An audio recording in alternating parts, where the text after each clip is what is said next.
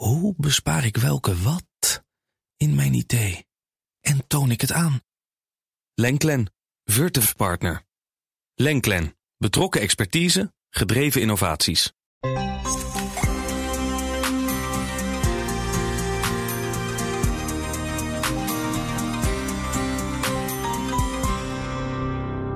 Dit is de Carbon Podcast, een podcast van Nieuwsbureau Energia en grenzeloos journalistieke producties.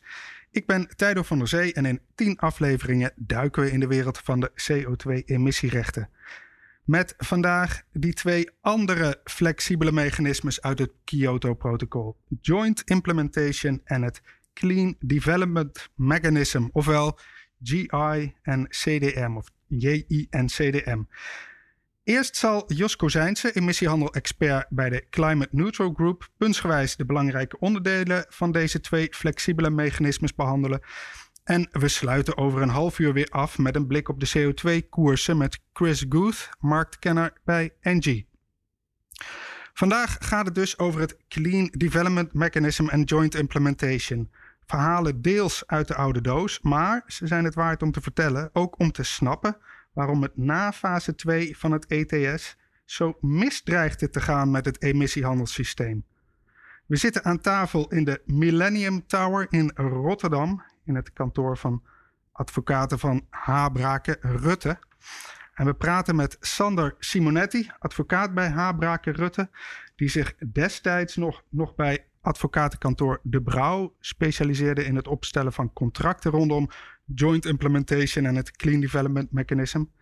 En ook aan tafel Adriaan Korthuis, hoofd uh, van uh, de afdeling bij de ministeries van Economische Zaken en Infrastructuur en Milieu, die in de jaren na het Kyoto-protocol verantwoordelijk was voor de aankopen van emissierechten uit het Joint Implementation Mechanism en het Clean Development Mechanism. En later was hij oprichter van adviesbureau Climate Focus. Maar eerst dus Jos Kozijnse. Een interessant concept was dat je in het kader van de emissiehandel gebruik kon maken van credits van de mondiale emissiemarkt via de zogenaamde flexibele mechanismes.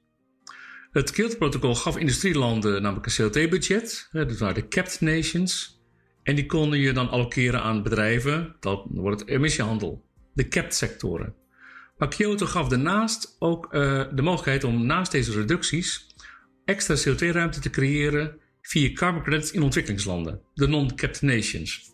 Dat kon via het Clean Development Mechanism en in non-capped sectoren in industrielanden, joint implementation. Nou, de Europese Unie die wilde uh, eigenlijk 50% van de reducties via deze mechanismes gaan halen, hè, via CDM en JI. Dat is op zich ook mooi om dat systeem van credits ook aan het ETS te koppelen. Dat is ook gedaan via de Linking Directive. Konden bedrijven die onder ETS zitten voor 10% van emissies gebruik maken van credits uh, via Joint Implementation en het Clean Development Mechanism uit het Kyoto-protocol. Maar goed, inmiddels was het wereldbeeld wel anders geworden en door de crisis kon de Europese Unie zijn CO2-doelen halen zonder die credits. Er was ook een tijd eh, kritiek gekomen op de CDM-projecten, want ja, hadden landen als China, India, Brazilië, Zuid-Korea, die heel veel CDM-projecten genereerden, wel carbon credits nodig? Blijft ambitie niet achter. En hoe krijgen de armere landen dan het marktaandeel, met name Afrika? En waarom nog eigenlijk schone kolen in het CDM uh, crediteren en niet alleen maar duurzame energie? Nou, het lukte niet om het CDM, wat een VN-mechanisme was, waar dus consensus speelt, ambitieuzer te maken. Nou, vanaf 2020 mogen de bedrijven in Europa dan ook geen CDM-credits meer gebruiken om hun ETS-doel te halen. En het uh, Parijsakkoord biedt wel nieuwe kansen. Het concept is nog steeds aantrekkelijk. Hè, mogelijk geven om extra ruimte te creëren voor CO2 via carbon credits in ontwikkelingslanden. Ja, want hun CO2-doelen geven wel ruimte voor credits en er is ook klimaatfinanciering nodig. En als Nederland en de Europese Unie straks op nul emissies staan, moeten in de wereld nog veel emissies naar beneden. Nou, dat heet dus het nieuwe Sustainable Development Mechanism. Nou, ik ben ook echt wel weer voor een koppeling met het ETS. De laatste emissies in de industrie compenseren met een klein percentage carbon credits. Want de Europese emissierechten raken ook op na 2040. De grootste partij, EPP, in het Europese parlement had ook een amendement voorgesteld voor de Europese Klimaatwet om eens naar de mondiale carbon credits te kijken. Nou, dat amendement heeft het niet gehaald. Maar dat komt vast nogal weer als we zien dat het nieuwe mechanisme beter werkt. Want ja, je kan via de mondiale CO2-markt met hetzelfde geld twee keer zoveel reducties realiseren. En je betrekt de wereld bij de klimaatdoelen halen. Nou, dank Jos voor de heldere uitleg weer.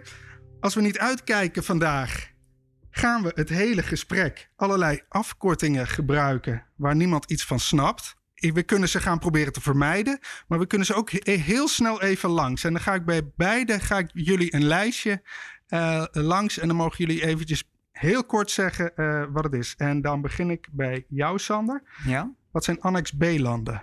Annex B-landen. Uh, dat zijn de landen um, die opgezomd staan in Annex 1 bij het Kyoto-protocol. Met een reductieverplichting die dan weer is opgenomen in Annex B. Oké. Okay. Non-Annex B-landen. Dat zijn alle andere landen. Oké. Joint Implementation. JI, ja. ja. Dat is een van de, wat je al zei, flexibele mechanismen uit het Kyoto-protocol. Uh, er waren er in totaal drie. Drie flex, max, flexibele mechanismen. International Emissions Trading, dat is gewoon het principe van emissiehandel. Ja.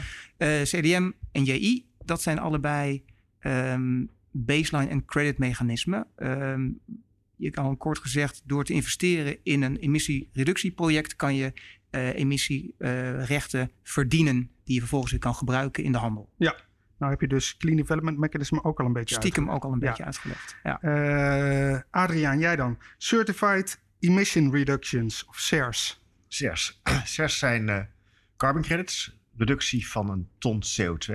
Ja. Die voortkomen uit een project onder het CDM. Okay. En een project onder het CDM is in de regel een project in ontwikkelingslanden. Ja.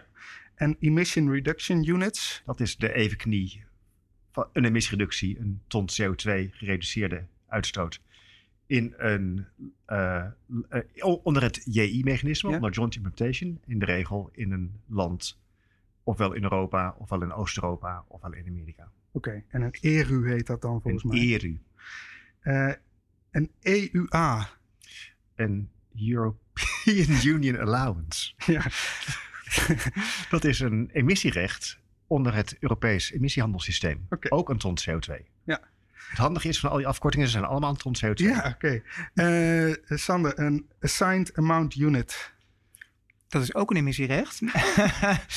dat is um, het, zeg maar, het basisemissierecht onder het Kyoto-protocol. Moet je heel even onthouden, het Kyoto-protocol is een verdrag tussen soevereine staten. Mm -hmm. Dus daarin hebben de staten onderling afgesproken uh, dat ze het principe van emissiehandel introduceren. Ja. Dus onder het Kyoto-protocol kregen staten een bepaalde portie emissierechten, EEU's, die ze konden verhandelen. Mm -hmm. Ja, oké. Okay. Um, Sander, aan jou dan, specifiek voor jou. Uh, wat is een ERPA? Een ERPA, dat is een Emission Reductions Purchase Agreement. Dus een koopovereenkomst voor uh, emissierechten en dan specifiek voor projectgebonden emissierechten. Dus de CERS en de ERU's. Oké. Okay. En Adriaan, aan jou dan ERUPT en CERUPT. ERUPT en CERUPT waren twee aankoopprogramma's van de Nederlandse overheid. Ja. Uh, het ERU Purchasing Tender en het CER Purchasing Tender. Dat waren twee programma's waarmee de Nederlandse overheid in het begin van het millennium, dus vanaf 2000 tot 2004, uh, CERS en ERU's aankocht om daarmee een deel van de Nederlandse verplichting onder het Kyoto-protocol te kunnen behalen. Oké. Okay. Nou, en daar was ik het hoofd van. Daar was jij het hoofd van. Dan hebben we een aantal uh, afkortingen hebben we behandeld. Um, we zullen ze nu proberen zoveel mogelijk te vermijden, maar ze zullen toch ongetwijfeld langskomen. Dus dan hebben de mensen een idee. Um, we gaan terug naar uh, Kyoto uh, 1997. Drie flexi flexibele mechanismes werden daar in het leven geroepen. Over één van de drie, het ETS, uh, hebben we het in de voorgaande afleveringen allemaal al gehad. Maar die andere twee uh, zijn nog onbelicht uh, gebleven. laten we beginnen bij het Clean Development Mechanism. Sander, wat was het idee daarachter? Nou, we hadden het net over die Annex B en non-Annex B landen. Mm -hmm. Annex B landen um, zijn kort gezegd geïndustrialiseerde landen die onder Kyoto uh, reductieverplichtingen op zich namen. Mm -hmm. Non-Annex B landen, de andere landen, uh, hebben simpel gezegd de ontwikkelingslanden, die wilden nog geen reductieverplichtingen op zich nemen. Maar om hen wel zeg maar, te laten participeren, um, En om een soort transfer of technology teweeg te brengen, werd het CDM in het leven geroepen als een, een systeem waarbij geïndustrialiseerde landen of, of private partijen uit geïndustrialiseerde landen via het investeren in groene projecten in ontwikkelingslanden mhm. emissierechten konden verdienen, waar ze volgens iets mee konden. Ehm, voor een eigen compliance onder Kyoto of onder het EU-ETS. Oké. Wat is transfer of technology? Nou, dat dus um, in, die, in die ontwikkelingslanden die dus zelf nog niet hoefden te reduceren, mhm. dat daar dan in ieder geval een soort groene infrastructuur ontstaat. Dus als daar energieprojecten uh, ontwikkeld worden, dat het groene energieprojecten zijn. En dat die technologie daar dus ook uh, verbreid uh, raakt. groene technologie, om wat voor projecten gaat het dan? Oh, een heleboel soorten, maar duur, duurzame energieprojecten, waterkrachtcentrales, wind, zon, maar allerlei emissie-reducerende uh, projecten. En dan moet je dus um, uh, reduceren is ten opzichte van de, de baseline. Dus mm -hmm. voorafgaand aan zo'n project wordt dan in kaart gebracht wat zouden hier de emissies zijn in het business as usual scenario als er geen project zou zijn. Mm -hmm. uh, en vervolgens wordt gekeken wat zijn de emissies als het project wel wordt uitgevoerd. En het verschil, dat is dan wordt geacht de reductie te zijn. En dat wordt dan opgeknipt in verhandelbare rechten. Als ik dan uh, denk aan een land als Brazilië, dan komt als eerste in mij op van uh, herbebossing. Kan dat ook in, onder het CDM? Nou, in theorie kon dat, geloof ik. Ja. Kijk Adriaan even aan. Maar dat, in de praktijk werd dat heel moeilijk gemaakt. Ja. Uh, het Clean Development Mechanism, dus de het, me het, mechanisme onder het Kyoto-protocol, richtte zich toch met name op energie en op afval en industriële, industriële emissies. En waarom herbebossing niet? Het hele onderwerp van alles wat met landgebruik te maken heeft. Dus herbebossing, uh, voorkomen van ontbossing, uh, het verbeteren van bos, dat was voor de onderhandelaars onder het Kyoto-protocol een zo groot en zo ongrijpbaar uh, onderwerp. Mm -hmm. ook voor ontwikkelingslanden een heel gevoelig onderwerp, omdat in hun geval daar de grootste emissies plaatsvonden. Mhm. Ontbossing is een hele grote bron van uitstoot, zo niet de grootste bron van uitstoot in de meeste ontwikkelingslanden, mhm. dat men dat er niet onder wilde hebben. Um, uiteindelijk is er in het Kyoto-protocol en heel specifiek dus in het CDM, zijn er wel mogelijkheden in het leven geroepen dat projecten die zich met bebossing of met herbebossing bezig hielden, dat dat eigenlijk wel kon. Maar de regels daarvan hebben ze toen zo moeilijk gemaakt dat het in feite een doodgeboren kindje was. Adriaan, het idee achter uh, joint implementation, wat was dat? Het idee achter joint implementation is een vrij lang verhaal. Laten we beginnen met, het begon met het CDM. Dus in de onderhandelingen ging het over hoe gaan we als uh, wereldgemeenschap landen, ontwikkelingslanden helpen schoon te ontwikkelen. En mhm. daar is toen het CDM voor uitgevonden. Toen was er een flink aantal landen, met name Oost-Europese landen, die zeiden van, hé hey, Horus, wij willen ook zoiets. Eventjes het uh, tijdsgewricht. We praten over 1997, uh, wanneer het Kyoto-protocol is afgesloten. Dat is nog maar zeven jaar nadat de muur was gevallen. Mhm. En in die zeven jaar is de economie in de landen in Oost-Europa volledig uh, ingestort.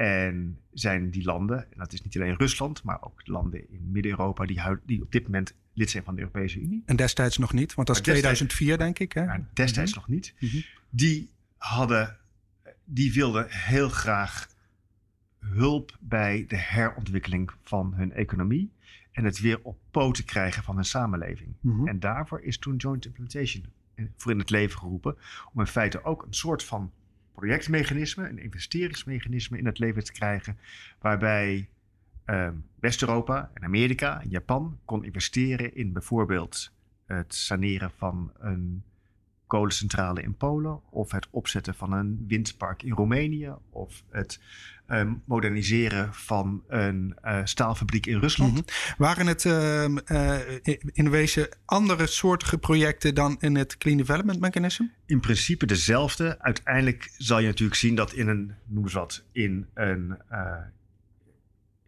elk land heeft het gebruikt voor zijn eigen, voor een specifiek voor, voor, voor, voor, voor een specifiek projecttype. In China bijvoorbeeld heb je heel veel windparkjes, heel veel waterkrachtcentrales en een flink aantal grote industriële complexen die mhm.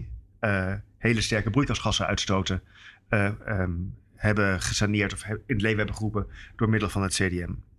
in veel landen in Oost-Europa zijn bijvoorbeeld stadsverwarmingssystemen gemoderniseerd. Stadsverwarming, dus dat je vanuit een centraal ketelhuis, vanuit een mhm. centrale warmteopwekking, een hele stad van warmte voorziet. Ja, ja. warmtevoorziening is in de meeste tropische landen niet echt een, niet echt een onderwerp, nee. maar in Oost-Europa wel weer wel. Ja.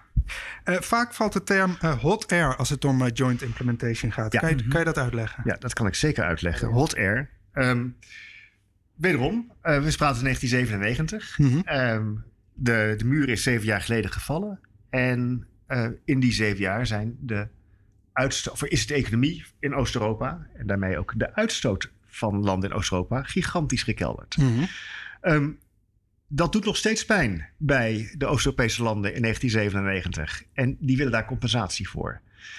Dus wordt er afgesproken dat het basis, het referentieniveau van hun uitstoot, zoals het in het Kyoto-protocol wordt vastgelegd, dat het basisjaar wordt vastgelegd op 1990. Het jaar dat ze nog draaiende economieën hadden ja. en heel veel uitstoot hadden. Het Kyoto-protocol sprak af alle landen reduceren vanaf het basisjaar. Dus noem eens wat, 4, 6, 8 procent vanaf het mhm. basisjaar. En voor een, ja, een land als Rusland, of voor een land als Hongarije, of een land als Polen, ja, daar was de uitstoot al sinds 1990 met 20 procent gekelderd. Of met 25 procent gekelderd. Ja. ja, die emissierechten, die dus al lang niet meer werden gedekt door echte emissies, die zaten dus nog wel in het Kyoto-protocol. En dat is dus ja, vrij verhandelbare emissierechten die niet meer worden gedekt met zware industrie of met kolencentrales, mhm. die als hete lucht beschikbaar waren om de, ja, de uitstootbehoeften in het Kyoto-protocol te kunnen compenseren. Ja, en heeft Rusland, want eh, Rusland uh, is natuurlijk een heel groot land met enorme industrie, dus die hadden waarschijnlijk heel veel hot air. Hebben zij al die hot air kunnen verkopen? Nee, dat hebben ze niet kunnen, niet kunnen doen, tot een grote frustratie en tot een grote ergernis uiteindelijk, ook al was het in het Kyoto-protocol afgesproken dat die hot air wel gebruikt zou gaan worden, heeft eigenlijk geen enkel land op de wereld het aangedurfd om die porties hot air van Rusland te kopen. Omdat men aan zijn water voelde dat dat toch niet helemaal kon. En zeker wanneer je dat met belastinggeld zou doen, dat je dan eigenlijk je hele maatschappij ja. over je heen zou krijgen. Van hé hey jongens, zijn we nu gewoon Rusland aan het subsidiëren voor hun economische ondergang? Dat gaat met onze belastingcenten niet gebeuren. Maar um, dus uh, het ene recht is het andere recht niet. Het is niet dat je een klompje goud hebt en dat je die op de grote berg goud nou ja, Als je, het, als je het mathematisch bekijkt, is het natuurlijk wel, wel het geval. Mm -hmm. um, als je het politiek en gevoelsmatig bekijkt, dan is het heel erg moeilijk uh, om. Uh, het rechtvaardigen dat er grote porties geld naar Rusland gaan voor het ineenstorten van hun economie. Maar Rusland vond het niet leuk dat ze. Die... Rusland vond het helemaal niet leuk en die heeft keer op keer weer geprobeerd om die hot air toch weer te verkopen. Die heeft ook nadat het Kyoto-protocol afliep, hebben ze geprobeerd die hot air te verplaatsen naar uh, ja, uh, het Parijsakkoord, het akkoord, het klimaatakkoord waar we nu onderhandelen, uh, nu onder vallen. En het is er steeds niet gelukt. En dat heeft hen gigantisch gefrustreerd. En dat hoe de, ja, en dat heeft hen gigantisch gefrustreerd. Er is daar nog steeds veel pijn. Sander, is, het, is er in het eh, Clean Development Mechanism ook sprake geweest van hot air? En daar bedoel ik van waren er projecten die bijvoorbeeld eigenlijk geen emissierechten verdienden? Uh, een waterkrachtcentrale die zonder uh, bijvoorbeeld die emissierechten ook wel tot stand gekomen zou zijn? Of? Nou, dat is een goede vraag. Uh, hot air, gebakken lucht, dat, dat gaat echt over uh, wat Adriaan uitlegde, hè, uh, emissierechten die waren toegekend um, uh, en, en die gewoon over waren. Mm -hmm. toegekend op basis van historische emissies die, die al lang niet meer werkelijkheid waren. Um, dat speelt bij joint implementation. Want bij joint implementation is het zo dat een land zo'n zo'n toegekend emissierecht eigenlijk via het JI-mechanisme omzet in een, in een ERU, in een verhandelbaar mhm. recht en, en, en daar um, geld aan kan verdienen. Bij CDM is het, is het heel anders. Bij CDM worden echt nieuwe rechten gecreëerd. Dus eh, door zo'n project, of de emissiereductie die door zo'n project wordt uh, bewerkstelligd, daar worden nieuwe rechten voor uitgegeven. Mm -hmm. je kan daar wel soms vraagtekens bij zetten in hoeverre zo'n project uh, geloofwaardig is. En, mm -hmm. en waar jij op doelt, dat is de, de additionaliteitsvraag. Hè. Is, het, is zo'n project echt um, additioneel? Is het extra? Uh, is het vindt het plaats dankzij het feit dat het een CDM-project is en dat er emissierechten uit, uh, uit, uit voortkomen en worden verkocht? Of zou het inderdaad sowieso al plaatsvinden? Um, ja, daar konden bij sommige projecten konden daar misschien vraagtekens bij gesteld worden. Om dat te voorkomen, om dat te voorkomen heeft, uh, hebben de Verenigde Naties een gigantisch administratief apparaat opgetuigd om dat allemaal te monitoren en te controleren. Dus die, die mechanismen die zijn omgeven met heel veel uh, bureaucratie. Ja. Wat dan de kans op, noem het fraude, uh, te, te, verkleinen? Zou moeten verkleinen. Ja. ja. Zou moeten verkleinen. Ja. Ik weet niet alleen of jij hier iets over durft te zeggen. Ik durf er zeker over te zeggen. Um, additionaliteit, dus het is een van de kern, kernzaken in het CDM, in het Clean Development Mechanisme. Je moet kunnen aantonen dat het feit dat je emissierechten verkoopt en daar dus uh, inkomsten uit krijgt, dat dat ervoor zorgt dat je project door kan gaan. En dat mm -hmm. zonder, daar, zonder dat uh, het niet door zou zijn gegaan. Ja. Um, dat is natuurlijk al, altijd, zoals je dat in het Engels noemt, counterfactual. Omdat de situatie waarin het niet gebeurt... Niet gebeurt. Niet gebeurt. dus daar wordt van tevoren wordt een heel waslijst van criteria worden opgesteld. Je moet investeringsanalyses aantonen. Je moet marktanalyses uh, geven en die moeten getest worden. En op die manier moet je een heel argument opbouwen... Uh, waarmee je de VN en de certificeringsorganisaties die namens de VN werken ervan overtuigd dat inderdaad dat dat geld hard nodig was. Mm -hmm. Nou, dat is een bijbel van, van regels. En wanneer je een bijbel van regels hebt, dat geldt niet alleen bij het CDN, maar dat geldt eigenlijk overal, dan gaan mensen proberen, oké, okay, hoe, uh, hoe gaan we dit toepassen op mijn situatie en kunnen we dit uh, in ons voordeel beredeneren? Ja. En natuurlijk, dat kan je altijd in jouw voordeel beredeneren. Maar niet altijd, maar heel vaak.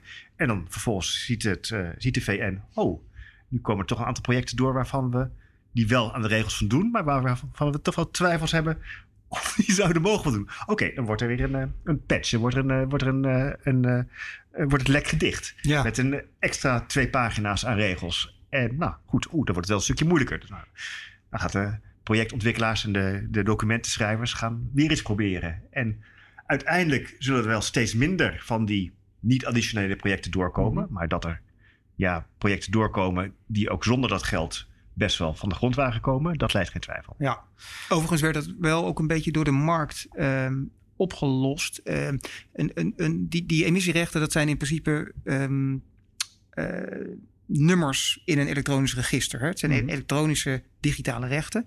En aan die code kun je precies zien waar het recht vandaan komt. Uit welk project en uit welk projecttype het afkomstig mm-hmm. is. Um, en sommige marktpartijen betalen voor bepaalde soorten rechten uit bepaalde projecttypes uh, meer of minder dan, uh, dan uit andere. Ja, ja, donkergroene, lichtgroen een beetje. Uh, of een beetje grijzig. Um, Sander, jij bent op een gegeven moment uh, naar Londen verhuisd. Ja. Om je daar helemaal toe te leggen op emissierechten uit deze twee... Min of meer, ja. Kan je er meer over vertellen? Um, ik, ik, ik, ik zat eigenlijk al in Londen en toen begon emissiehandel oh, booming te worden. Ah. Um, en dat heb ik toen mee teruggenomen naar, naar Amsterdam toen, toen, toen ik weer terugkwam naar, naar, naar Nederland.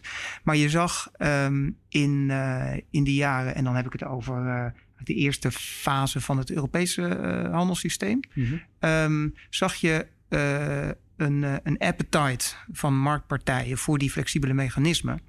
Vanwege de, de, de linking directive, de link tussen die flexibele mechanismen onder Kyoto ja. en het Europese emissiehandelssysteem. Ja, die Linking Directive, daar hebben we het in de eerste uitzending ja. over gehad. Hè? Daar was uh, Alexander de Roo uh, namens ja. het Europarlement ook. Uh, die heb ik gehoord, inderdaad. Ja. ja. Nee, want emissiehandel onder Kyoto is dus emissiehandel tussen soevereine staten. Mm -hmm. En Europa heeft dat systeem eigenlijk gespiegeld naar de markt met het EU-ETS. En dan kunnen bedrijven met elkaar handelen. Ja. En die Linking Directive zorgt ervoor dat die projectgebonden credits die je kan verdienen met CDM en JI onder Kyoto, dat die een waarde hebben dat je die kunt gebruiken eh, voor compliance van mm -hmm. bedrijven onder het EU-ETS. Ja. Um, niet voor je volledige uitstoot, maar voor een uh, beperkt deel van je, van je uitstoot, ik, ongeveer 10%, konden bedrijven dan die projectcredits uh, inzetten. Ja. Um, dus die hadden waarde. En die kan je kopen op de markt. Hè, als die rechten eenmaal door uh, de VN zijn geissued, zijn uitgegeven, dan zijn het vrij verhandelbare dingen. Ja. Uh, er zijn beurzen voor. Uh, dan heeft het een bepaalde prijs. Maar het is veel goedkoper om te investeren direct in de projecten zelf. En dan die rechten uh, hè, bij uitgifte um, te krijgen. Ja. En daar zat dus een enorme potentiële upside in uh, voor bedrijven hier. Ja, en dan komt die ERPA van jou om de hoek En dan komen die ERPA's om de hoek kijken. Ja. Precies. Dus uh, uh, energiebedrijven, staalbedrijven die grote verplichtingen hebben onder het EU-ETS. Mm -hmm. Die dus emissierechten nodig hebben om hun uitstoot te, te, compenseren. Die, die gingen projecten zoeken onder CDM en JI Um, waarmee ze een, uh, een ERPA konden sluiten. Over, alle... over de counter wordt dat genoemd ook, of niet? Of is dat nog weer, weer wat anders? Uh, nou, ja, over de counter is, is, is meer dat je, dat je, dat je bilateraal uh, emissierechten met elkaar verhandelt. Maar dit is, dit is, dit is een vorm van, inderdaad, van, van bilateraal direct. Uh, directe handel. Ja. ja. Jij hebt in die tijd ook uh, een aantal artikelen geschreven in, in, in, vakbladen waarin je eigenlijk uh, zelf een soort van in die artikelen een zoektocht uh, uh, aangeeft naar van waar liggen ze juridisch gezien, die, die emissierechten? En zijn het bijvoorbeeld ook. bijvoorbeeld zijn het derivaten, zijn het geen derivaten, vallen ze mm -hmm. onder financieel toezicht of niet? daar ben je een beetje zoekende lijkt Nou, het niet alleen ik. met name ook wetgevers. Hè? Mm -hmm. Kijk, die emissiehandel die, die was er nou eenmaal. Die is gewoon uh, geïntroduceerd met een verdrag. Uh, met Kyoto en in uh, Europa met, met een Europese richtlijn. De Europese richtlijn, dat weet je, die moet netjes geïmplementeerd worden door de lidstaten. Alle lidstaten hebben dat, hebben dat gedaan, maar die hebben dat allemaal op een net iets andere manier gedaan. En zeg maar, het, het juridische karakter van een emissierecht um, verschilt nogal van land tot land. Maar emissiehandel is nou juist iets dat internationaal gebeurt. Dus dan moet je daar allemaal rekening mee houden. En dat is inderdaad soms een, een zoektocht. Uh, wat, wat geldt hier? Wat geldt in het land van de verkoper? En, de, en de, de overdragende partij, wat geldt in het land van de koper, de ontvangende partij? Um, zowel voor ons als, als, als advocaten die die transacties begeleiden, als, als voor uh, uh, overheden en, en regulators om die markt een beetje in, uh, in de gaten te houden en om, om fraude en nou ja, ongeloofwaardigheid te, te voorkomen. Ja. en inderdaad, ook, ook, financiële toezichthouders, want die, die, grote volumes emissierechten hebben grote waarden. dus er zijn grote waardeverschuivingen. En toezichthouders op de financiële markten, die, die zien dat ook. En die hebben er ook mee geworsteld. Ja, die wisten in eerste instantie ook niet precies hoe ze daar mee om moesten gaan. Nee, nee. klopt. Adriaan, jij zat bij de overheid. Je zat dus bij, die, uh, bij de afdeling die uh, de rechten aankocht. Waar waren die rechten voor bedoeld en hoe ging die aankoop in zijn werk? De Nederlandse overheid had bedacht, we hadden een verplichting onder het Kyoto-protocol om 8% van onze uitstoot te verminderen uh, in 2012 ten opzichte van het niveau van 1990. En de Nederlandse overheid vond dat toen een hele klus en durfde daar de Nederlandse samenleving niet meer op te zadelen. Mm -hmm. um, en heeft toen aangeboden, heeft toen besloten om de helft van die verplichting, om die gewoon op de schouders van de overheid te laten rusten. Doordat de overheid emissie credits uit JI en CDM-projecten ging aankopen. Ja, en het met, valt dus buiten, buiten, het ETS. Dat valt dus buiten het ETS. Dus ja. die andere helft mm -hmm. van die emissiereductie, dat is onder andere, wordt dan door het ETS gedaan. Mm -hmm. En door uh, nou, allerlei ander beleid. Uh, energiebesparingsbeleid, uh, sector, sectorafspraken, subsidies, wat dan ook. eventjes als zijstraatje. Dus men vond toen 8% heel veel. Ja. We hebben het nu over tot 2030 over 55% ja. reduceren.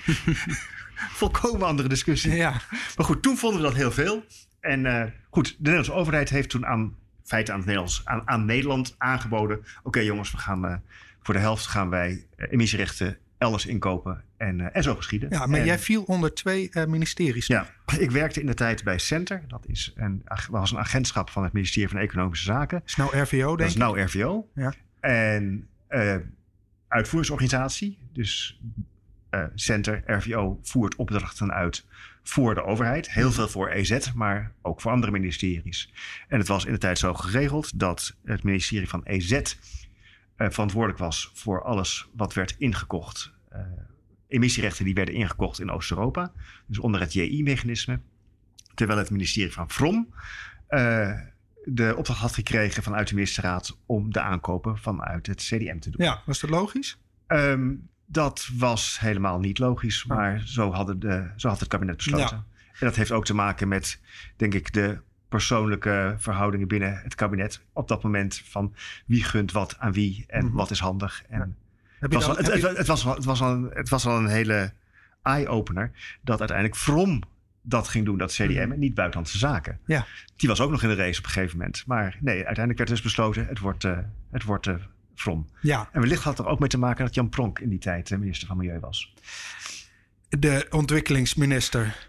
De voormalige ontwikkelingsminister Ja. was toen minister van From. Ja. Waarom hebben jullie er toen voor gekozen om die rechten niet op de vrije markt te kopen? Omdat hij er niet was. Oké. Nederland was de eerste. Mhm. Nederland was de, het allereerste land ter wereld dat die emissierechten ging kopen. Er waren uiteindelijk in, we praten dus eh, begin 2000, waren er twee instanties in de wereld die eh, de jacht op emissiereducties eh, openden. Dat was de Nederlandse overheid en dat was de Wereldbank. De Wereldbank had een fonds waarin landen konden deelnemen en waar ook dus zeg maar die allereerste JI-credits en CDM-credits mee werden aangekocht. En Nederland heeft op dat moment dus bijgedragen aan het feite, aan het ontwikkelen en het vormgeven van die hele markt. Mhm. Doordat wij als eerste in de wereld begonnen met aankopen, eh, is het mechanisme in de grondverf gezet. En eh, op basis van onze aankopen en de regels die wij daar eh, mede voor hebben bedacht, zijn die mechanismen uiteindelijk geworden wat ze uiteindelijk waren. Ja.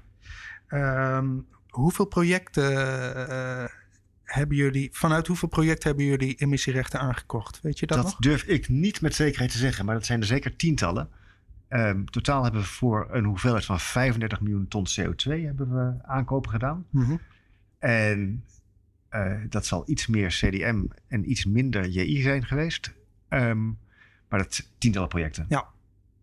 Ik ga nou naar de koppeling eh, met het ETS. De Linking Directive. Die zorgde dus dat een deel van de emissierechten uit het CDM en Joint Implementation in het ETS eh, gebruikt konden worden. Ehm, hoe ging dat in zijn werk? Sander, kan jij dat vertellen? Moest je dan emissierechten die uit die twee mechanismes kwamen converteren naar eh, Europese emissierechten? Of kon je ze gewoon gebruiken? Aanvankelijk kon je ze, geloof ik, gewoon gebruiken. Eh, maar ik meen dat in de tweede handelsperiodes geconverteerd moesten worden. Dan kon je ze inderdaad inwisselen voor een EUA. Hè, dat Mhm. is de, de standaard valuta in het ETS. En die kon je dan vervolgens gewoon gebruiken. Ja. Ja. En dat is één op één, kon je die gewoon over, eh, Ja. overzetten. Ja, want het, het representeert allebei een ton CO2. Mhm. Ja. Ja. Ehm, ja, vanuit. Dus we hadden dus in die periode 2019, 11, 12, er, was een groot overschot van emissierechten in het ETS. Ehm, even kijken, ik heb hier een, eh, een, een regeltje staan uit een rapport van nou, begin 2012 waren er bijna 1 miljard eh, emissierechten te veel in, Mhm. het, eh, in het ETS. Waarvan ongeveer de helft, iets meer dan de helft zelfs, internationale credits was. Dus credits uit het Clean Development Mechanism en het Joint Implementation. Kortom, was er destijds, Adriaan aan jou, die emissierechten vanuit die twee mechanismes die in het ETS stroomden, waren die een reden dat de prijs zo laag was? En hoe keek jij daar destijds tegenaan? Ehm, die waren. Het is een heel complex. Er gebeurde rond die tijd, dus 2009, 2010, gebeurden er echt heel veel verschillende dingen. Het, be- A. eh, de economische crisis zette in na het faillissement van, Le- van Lehman Brothers. Dat had ook zijn weerslag natuurlijk in de Europese Unie. En, Euro- en het, eh, een economische crisis wil ook zeggen dat er minder geproduceerd wordt en dat er dus minder wordt uitgestoten. De economische crisis is het beste instrument om uitstoot naar beneden te krijgen. Want gewoon er wordt minder geproduceerd. Ja. Punt. Ehm, de ETS heeft een vaste hoeveelheid emissierechten. Ja, en kijkt niet naar op wat voor manier de uitstoot naar beneden gaat. Of dat gaat door slimme energiebesparing, of door meer investeringen in duurzaam, of door een economische crisis. Dus daar is al een gedeelte van het overschot eh, te verklaren. Ehm, daarnaast eh, was er in aanloop, goed, het Kyoto-protocol, de eerste periode van het Kyoto-protocol, ging aflopen in 2012. En rond die tijd was de hele wereld aan het bakkeleien over de toekomst van het Kyoto-protocol en uh, hoe dat na 2012 zou mm -hmm. verder gaan. En heel belangrijk daarin was ook uh, op wat voor manier men zou omgaan met CDM en met joint implementation. En uiteindelijk bleef dat een beetje hangen. Uh, wat je ook zag is dat steeds meer partijen zich uit dat Kyoto-protocol, uit deel 2 van het Kyoto-protocol ging terugtrekken. Waardoor de vraag wereldwijd naar de credits, naar de CDM-credits en de JI-credits gigantisch afnam. En eigenlijk Europa nog maar de enige was die daar een beetje interesse in had. En dus alles richting Europa stroomde. En nou goed, dat is dus een deel van het overschot. Uiteindelijk heeft de Europese Commissie, uh, of de Europese Unie, heeft ervoor besloten om in die tweede periode van het Kyoto-protocol het gebruik van die CDM en GI-credits minimaal te laten zijn. Ja. Um, ja. Om en dan hebben we het vanaf 2012. Dan hebben we het vanaf 2012. Mm -hmm. Dus tot, 2000, tot 2012 heb je de eerste fase van het Europees handelssysteem. Uh, was je nog, kon je nog tot een ongeveer 10% kon je van die credits gebruik maken. Daarna was het uh, eigenlijk uh, hier en daar nog een leftover kon je gebruiken. Maar dat ja, was het. voor zover je die 10% niet had opgesoupeerd ja. en dan onder strenge eisen. Ja, ja dat klopt. Okay. En dat was in feite het einde van het hele, van het hele mechanisme. Maar het gebruik is eigenlijk pas vorig jaar echt gestopt, hè? Vertel, dus, uh, van, van joint implementation? Of? Ja, van, van CERS en EURUS. Ja, ja, die, die kon je dus tot, uh, voor, voor je uitstoot tot en met 2020 kon je ze nog gebruiken. Ja. En de inlever deadline uh, ligt altijd in, in maart, nee, mei geloof ik, van het opvolgende jaar. Dus tot, tot mei 2021 kon je die CERS en EURUS nog gebruiken in het ETS. Oké. Okay. En partijen hebben daar ook wel gebruik in van het ETS? In het ETS heb ik okay. over, ja. ja. ja. partijen hebben daar ook wel gebruik van gemaakt. Die konden dus um, tot aan die deadline um, nog, als ze zelf EUA's hadden, konden ze die uh, swappen, uh, ruilen met partijen die nog CERS en ERUS in de aanbieding uh, hadden. en daar een, een, een winst uithalen. Uh, als ze nog ruimte hadden om, om CERS en ERUS in te leveren natuurlijk. Als ze ja. hun, hun, inleverruimte nog niet hadden opgesoupeerd. Um, een staalfabriek, uh, ja. die, die, die, mocht, uh, die had nog inleverruimte. Mocht voor een bepaald percentage van zijn uitstoot. In plaats van EUA's CERS inleveren. Mhm. Had hij nog niet gedaan, maar die ruimte had hij nog. Hij had EUA's, hè, want die had hij geallockeerd gekregen. die kon hij dan duurder verkopen dan waarvoor die CERS oh, terug kon komen. Ja, ja. Dus, dus gewoon een, een voordeel pakken. Uh, Sander, jij bent nog steeds wel bezig met uh, contracten voor emissierechten, maar dan gaat het over vrijwillige ja. emissierechten. Kan je daar meer over vertellen? En is dat zeg maar ook hetgeen wat je voorheen geleerd hebt bij die flexibele mechanismes, dat je dat meeneemt? Nou, dat, dat lijkt er een beetje op, inderdaad. Um, ja, de vrijwillige markt is, uh, is, is, is een markt ook in, in, in emissierechten of emissiecertificaten of, of hoe je het wil noemen. Mm -hmm. Die is niet gereguleerd als zodanig. Um, maar je hebt heel veel bedrijven die wel graag um, daarin uh, die rechten willen kopen om duurzaamheidsclaims te kunnen doen. Om te kunnen zeggen, um, ik, ik produceer klimaatneutraal. Of uh, een, een, bakker wil kunnen zeggen dat hij CO2 gecompenseerd brood verkoopt. Ja. Noem maar op. Dan zullen bedrijven moeten laten berekenen wat hun CO2-uitstoot is.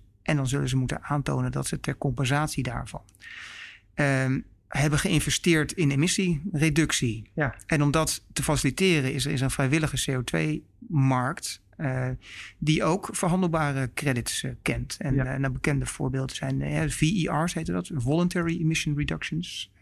VCS is een, bijvoorbeeld een, een, een standaard. dat gaat dan over bosbouwprojecten.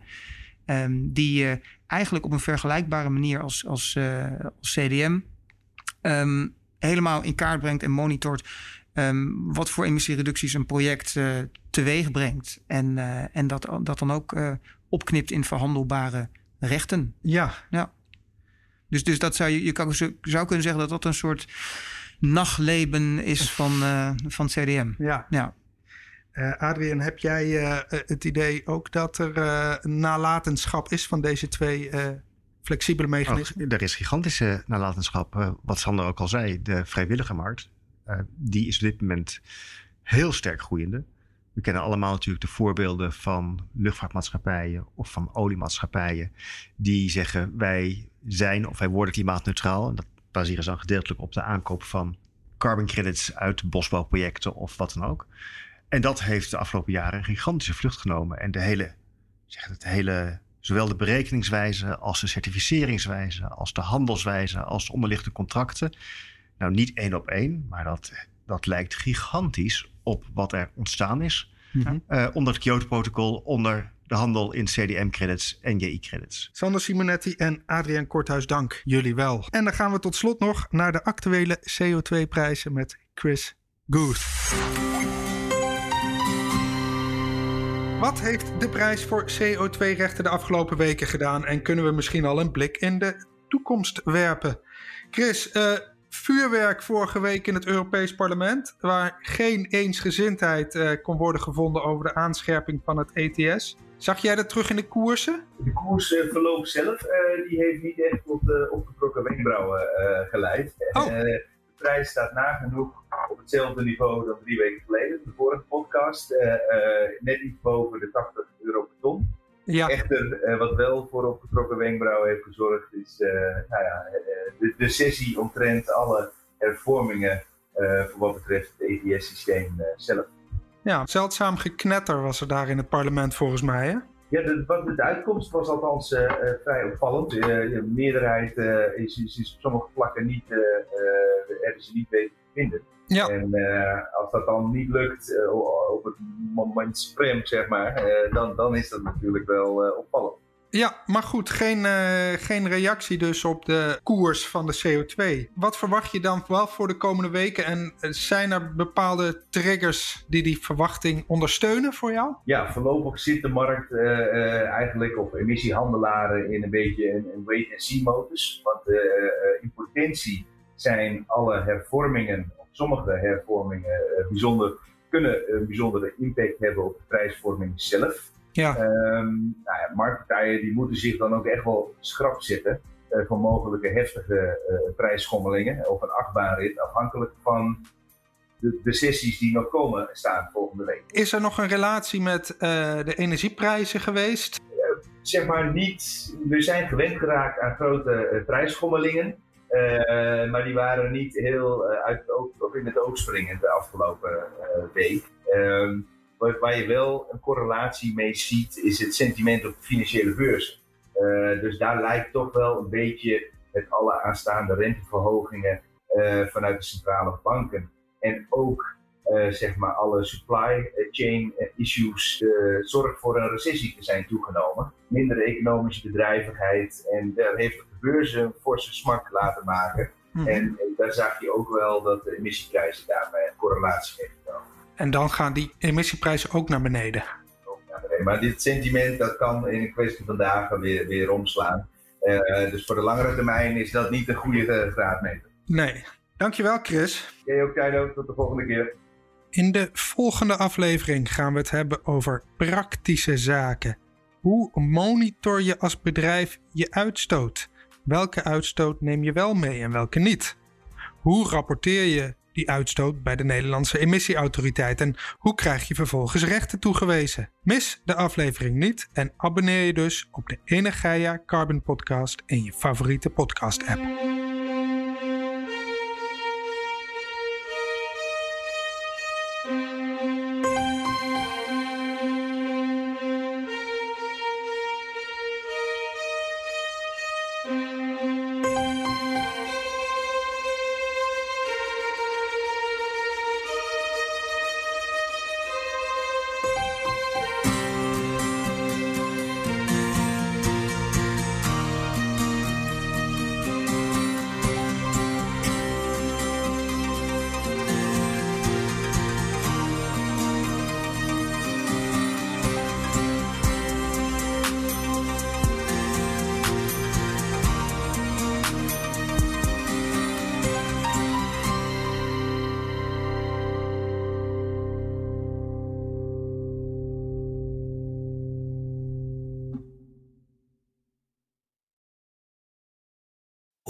Bespaar ik welke wat in mijn idee en toon ik het aan?